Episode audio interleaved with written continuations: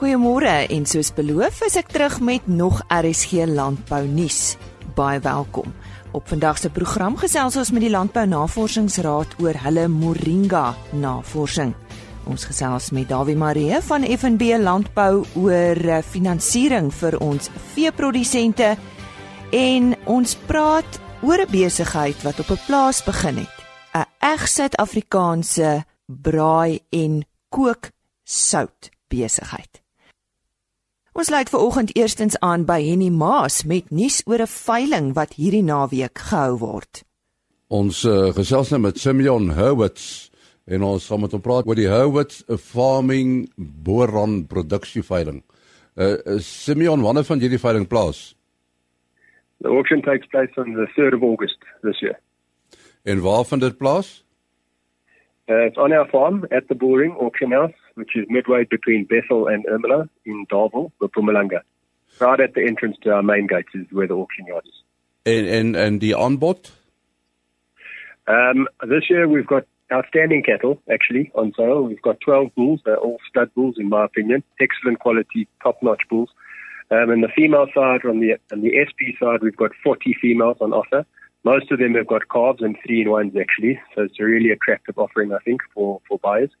And then we've also got some commercial cattle, about 30 different commercial cattle, which are boar and crossbred animals with different um, with different motherlands. So I think the, the offering this year is really, really outstanding. Uh hierdie aanbod wat jy van praat wat so goed is, uh waarom sou jy dit toeskryf? Uh, het jy 'n goeie veld?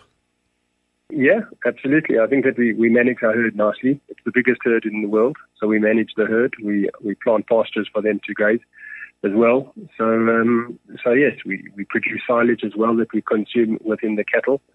So we manage to, to really be effective with our with our cattle herd. It's not easy to manage such a large herd, but we try our best, and I think we we're doing a good job so far. Hoe groot is die kudde? Um, in total, just under 3,000 cattle. That's registered cattle from small to tall. That's all purebred animals, not uh, appendix animals or upbred animals. So it's certainly um, the biggest registered herd in the world of boar and cattle. Goed, is daar 'n kontakpersoon, telefoonnommer? Yes, with pleasure. People are welcome to contact me um, on my cell, which is 082415588. But I think what's actually easiest is if people log on to our website. We've got a dedicated website for the auction, which is um, www.boranauction.co.za. And on there is all the information with regards to the auction. All the cattle are there, um, logistics, shuttle service from OR Tambo, discounted accommodation. Um, and we've also got a dinner the night before, also in the bullring, which starts from about six o'clock onwards, which people are invited to attend. Which sets the tone nicely, and it's quite a nice atmosphere for uh, for the auction, and and it's a nice chaoplex, so people enjoy that. Nou ja, daar is hy die Howards Farming Boran produksieveiling op die 3de Augustus vind dit plaas by die Bullring in die Bethal omgewing. Net weer uh, Simeon se nommer 082 uh, 415 5448. Ons sê baie dankie aan Henny Maas wat met ons gesels het oor 'n veiling wat op Saterdag 3 Augustus plaasvind. Ons gesels vanoggend met die Landbou Navorsingsraad oor hulle navorsing in verband met moringa. Nou ek seker meeste van ons luisteraars weet al wat dit is. Nou ons gesels vanoggend met uh, eh, Dr Bekkie Nube en hy gaan so 'n bietjie meer vir ons vertel van hulle navorsing. Yes, now the ARC carries out research on moringa. Tell us why moringa and for the benefits of those who don't know moringa, what exactly is it? Good morning. Morning and thank you very much. Oh yes, ARC carries out research on vegetables and medicinal plants. Right, and it so happens that moringa falls in both categories as a vegetable and as a medicinal a, a plant. And apart from from it falling in those two categories, it actually has an extensive range of uses across the globe. It's virtually every part of the plant is, is used for one purpose or or the other. But I must uh, highlight here to say it is used mostly for, for, for, for, for nutritional and medicinal purposes among the range of the, uses that it has. And then for those who probably don't know what moringa is, it, it is actually a, a tree, a fast growing one that is native to some parts of, of Asia and is sometimes called a miracle tree because of the multiple benefits and uses that people derive from it. What are the benefits of moringa? Well, like I've, I've, I've mentioned that it's actually uh, used for, as, as a nutritional supplement or as a vegetable, should I say, and as a medicinal uh, plant. Actually, it will be very difficult to exhaustively list the entire uses and benefits that people derive from from, from moringa. But I, I must hasten to say, with regard to the nutritional side of things, it actually comes uh, much higher in terms of the, the, the, nutritional elements such as calcium, iron, zinc, and magnesium compared to the to the commercial fruits and vegetables that comes recommended as excellent sources of such of such nutrients. And of course, the, the range of uh, medicinal uses that uh, people derive from from moringa. It's, it's, it's a tree just like any other normal tree. It grows up to a height of about uh, six to eight eight meters tall, but it's fast growing. It's not a hardy a hardy tree, and uh, people use it. I mean, use the leaves mostly, but they also use the stems. They also use the the, the roots and the, the, the, seeds as well. So it, virtually every part of the plant is actually used for one purpose or the other. Thank you. What what is the ARC's contribution to Moringa research? Well, as, as ARC, we are actually involved in the research on the whole value chain of the Moringa production, from seedling production to the, the establishment of the crop in the field, right up to the agro processing. And as ARC, we have actually a key among the aspects of what we look at Moringa is agro processing, where we actually uh, uh, develop products or help smallholder farmers develop uh, their their Moringa into into different products. Tell us more about uh, this work that the RC do for the smallholder rural community farmers, and I know there's quite a few that uh, that that live from that tree. Am I right? Yes, yes, mm. yes. Uh, well, on the on the on the smallholder uh, rural community farmers, the RC, uh, in partnership with uh, the Department of Science and Technology, we are actually uh, rolling out a, program called Moringa Technology Transfer, where we then take the, the, the, technology that we have developed here eh, at ARC through our research, and then we transfer it to the rural communities to make sure that they then use that for commercial purposes. So we walk them through the process of moringa production. We establish with them the the, the moringa plantations. We teach them how to manage them, how to harvest them, how to handle them, as well as the establishment of the processing facilities where they then process their, their, their moringa into various uh, products ready for, for the market. Yes, I'd like to talk to you about the uh, the agro processing on that and uh, the product development moringa. What are these process products that you were talking about?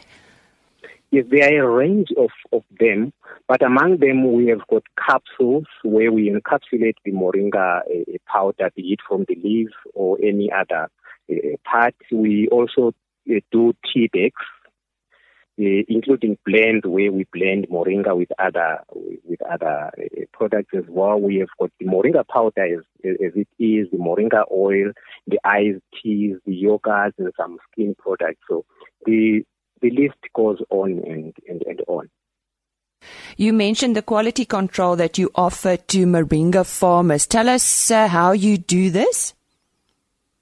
Well, you you you uh, uh, know that uh, moringa being a, a, product that is consumed as as as food, there are certain uh, requirements or regulations that or standards that it has to to meet before it is consumed. Such as, for example, you would look at to say does it contain pathogenic organisms that can cause diseases? So we look at that. We test to say what are the levels of bacteria, for example, that are in your in your product. Do they exceed the limit? Does it contain any other compounds that are deemed to be poisonous or toxic for to, to, to humans? Uh, in terms of the nutritional uh, content, uh, what are the nutritional content levels that are in there? And if it is a product, for example, what is the shelf life of that particular product, and what are the dangers that it poses to the to, to the to the human? Yes, of course. How does the ARC share its information to the farmers and other clients that are interested, Doctor? Well, um, one of the like uh, one of the ways through which we share the information is like uh, radio and TV uh, interviews, like the ones that the one that we are having uh, right now. We also have the most of our information on our website. We share the information on our on our website. We also do have farmers days. We host farmers days where we share uh, the information with farmers we also have the information sessions where we invite specific people uh, to share specific information. And, and with regard to, to, to Moringa as, as well, we have an upcoming uh, uh, symposium on, on Moringa on the 10th to the 3rd of November this year. It will be hosted here in Pretoria at the CSIR. So that's another way of uh, uh, sharing the, the information. And over and above that, we also do uh, publish our our research uh, output in, in, in local and international journals. So that's how we share the information with the with the international community. Nou ja, as u belangstel om meer te gaan lees oor Moringa en ook meer inligting bekom oor die simposium, besoek gerus hulle webtuiste. Dit is www.arc.agric.za. Am I correct in that uh, website, uh, doctor? Yes, that's correct. That's correct. En ek het daar gesels met dokter Bekkie Nube. Hy is ehm um, navorser in gewaswetenskap by die LNR uh, Landbou Navorsingsraad en hy het met ons gesels oor moringa. Voor ons voortgaan met ons program, net eers uh, herinner ons u daaraan indien u enige van ons onderhoude of programme misgeloop het, Besoek gerus www.rsg.co.za en soek onder potgooi vir RSG Landbou. Al ons programme word daar gelaai. En uh, dan is daar ook 'n ander webtuiste. Hier word die onderhoude apart gelaai en dit is www.agriorbit.com. Op hierdie webtuiste is daar heelwat ander landbou nuus ook.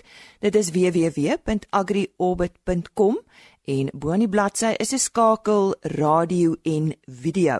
Klik net daarop en dan sal jy sien RSG landbou en uh, jy soek dan vir die onderhoud waarna jy weer wil luister. Ons gaan voort met RSG landbou.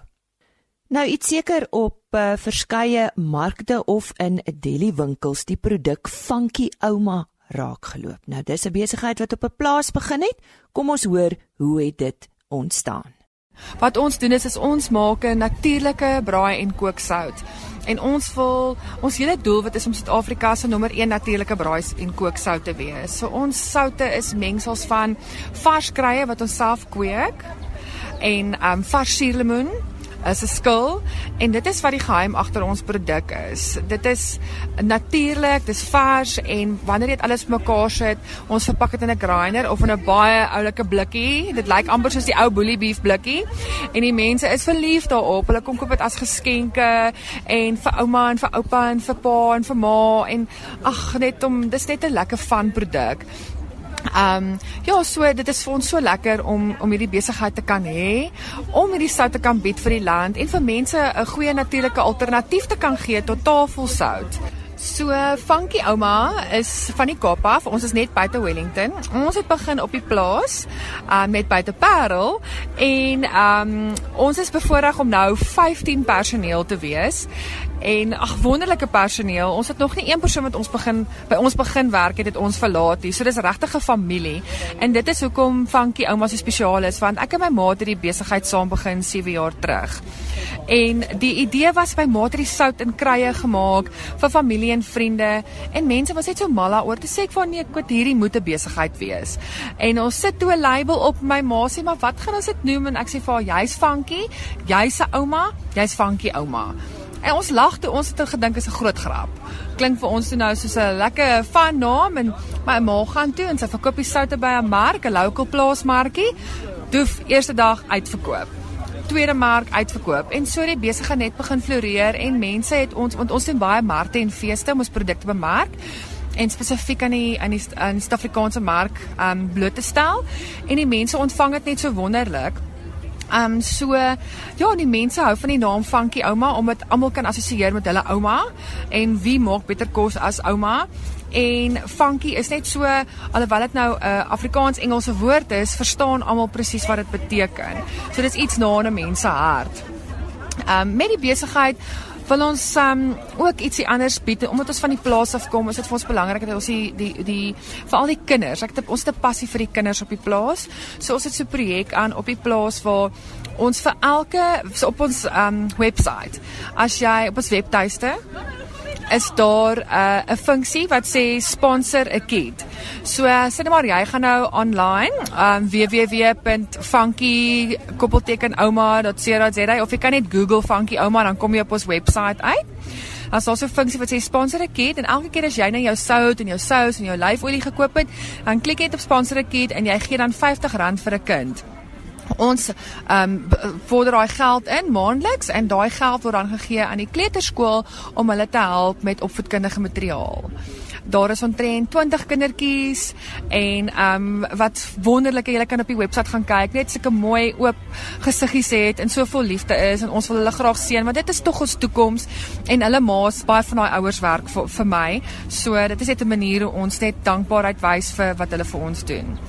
So, dis Funky Ouma en een van ons nuutste oulike produkte is 'n swart uh, swart gefermenteerde knoffel en dan 'n uh, 'n chili sout wat gerookte paprika in het wat verskriklik lekker is op 'n stukkie steak en 'n olyfolie.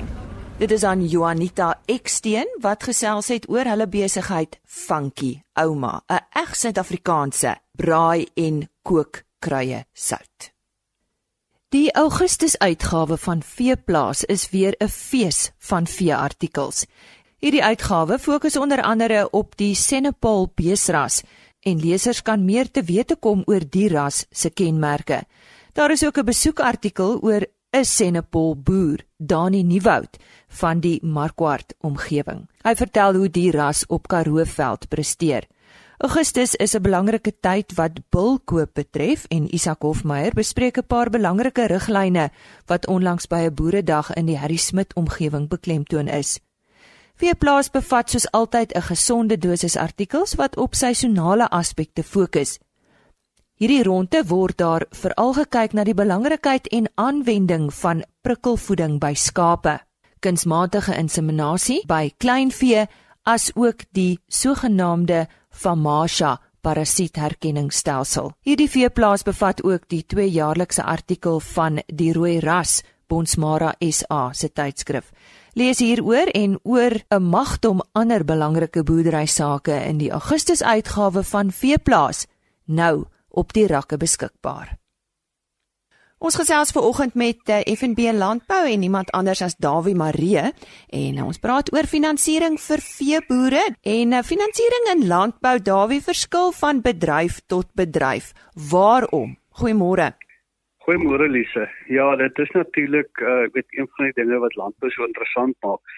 Buiten vir die feit dat landbou finansiering heeltemal verskil van die normale finansiering vir vir ander besighede is daar natuurlik binne in landbou self soveel verskille tussen tussen die bedrywe laat finansiering ook nie weet uh oor weet oor dieselfde kam geskeer kan word nie. As ons byvoorbeeld kyk na ons graanbedryf, dan weet ons 'n graanboer het eenmal 'n jaar inkomste en dis wanneer hy sy oes uh van die land afhaal. Uh so dit is wanneer sy inkomste normaalweg uh op sy hoogste is. Maar hy het reg deur die deur die jaar het hy uh uitgawes wat hy moet aangaan. Daar is pieke in in sekere tye van die jaar byvoorbeeld wanneer uh insette aangekoop word. Um en dan weet het jy jou vaste koste wat jy dan ook ook maandeliks moet uh verantwoordelik vir is. Dit verskil natuurlik totaal al van ons um uh kom ons noem dit maar ons boomgewasse, ons vrugte en en daai tipe goed waar jy uh kom ons sê vir 'n 2 maande tydperk of 'n 3 maande tydperk van die jaar 'n 'n hoë inkomste het, maar weer eens reg deur die jaar ehm um, uh, uitgawes het.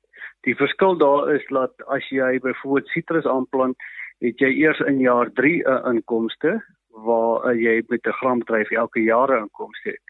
Uh, ander bedrywe soos soos die neutbedryf, pekanneute en en daai goed het, het eers in jaar 7 na jy 'n boom aangeplant het wat jy begin inkomste verdien daai. So dit moet ons ook in ag neem wanneer ons uh finansier. Dan natuurlik groentes en en en weet jy groentegewasse kan jy maandelikse inkomste hê. Ja, wat nou vir ons finansiering dan nou weer op 'n ander op 'n ander skaal plaas. Dieselfde natuurlik geld vir die veebedryf. Ehm um, weet waar ons ook in baie gevalle een of twee maal 'n jaar 'n uh, inkomste het. Dit hang natuurlik af van watse tipe uh model uh, boerdery jy bedryf uh weet het jy podium speenkalvers en en speen jy eenmal 'n jaar dan het jy ook soos in die graanbedryf eenmal 'n jaar 'n uh, uh, inkomste. En dit en dit verskil dan dit dit, dit maak 'n verskil in die finansiering van die verskillende bedrywe. Ja, kom ons praat so 'n bietjie meer oor die graan en die veebedryf. Waar lê die groot verskille?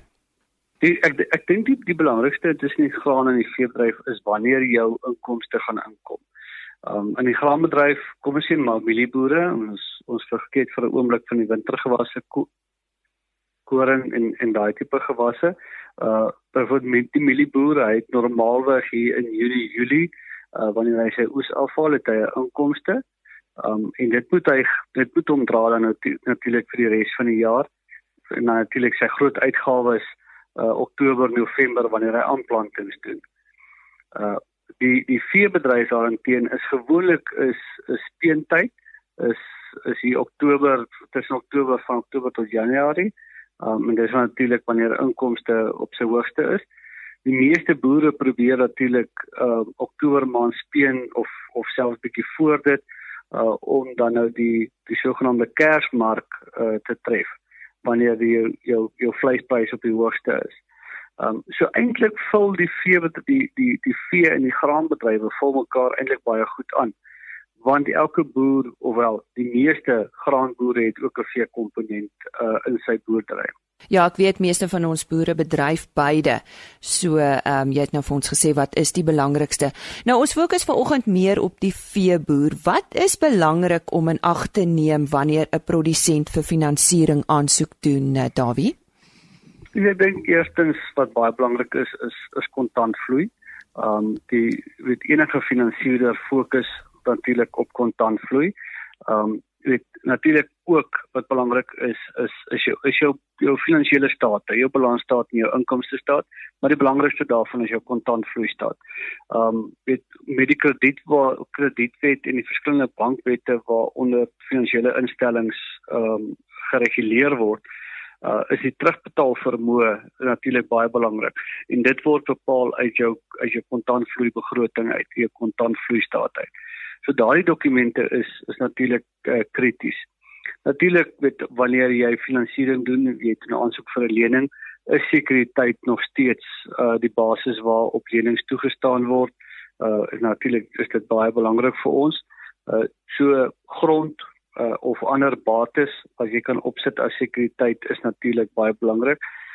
En dan wat al hoe meer en meer belangrik word is is die vaardighede van die kom ons noem dit maar die boer of die produsent uh, wat aansoek doen vir die lening.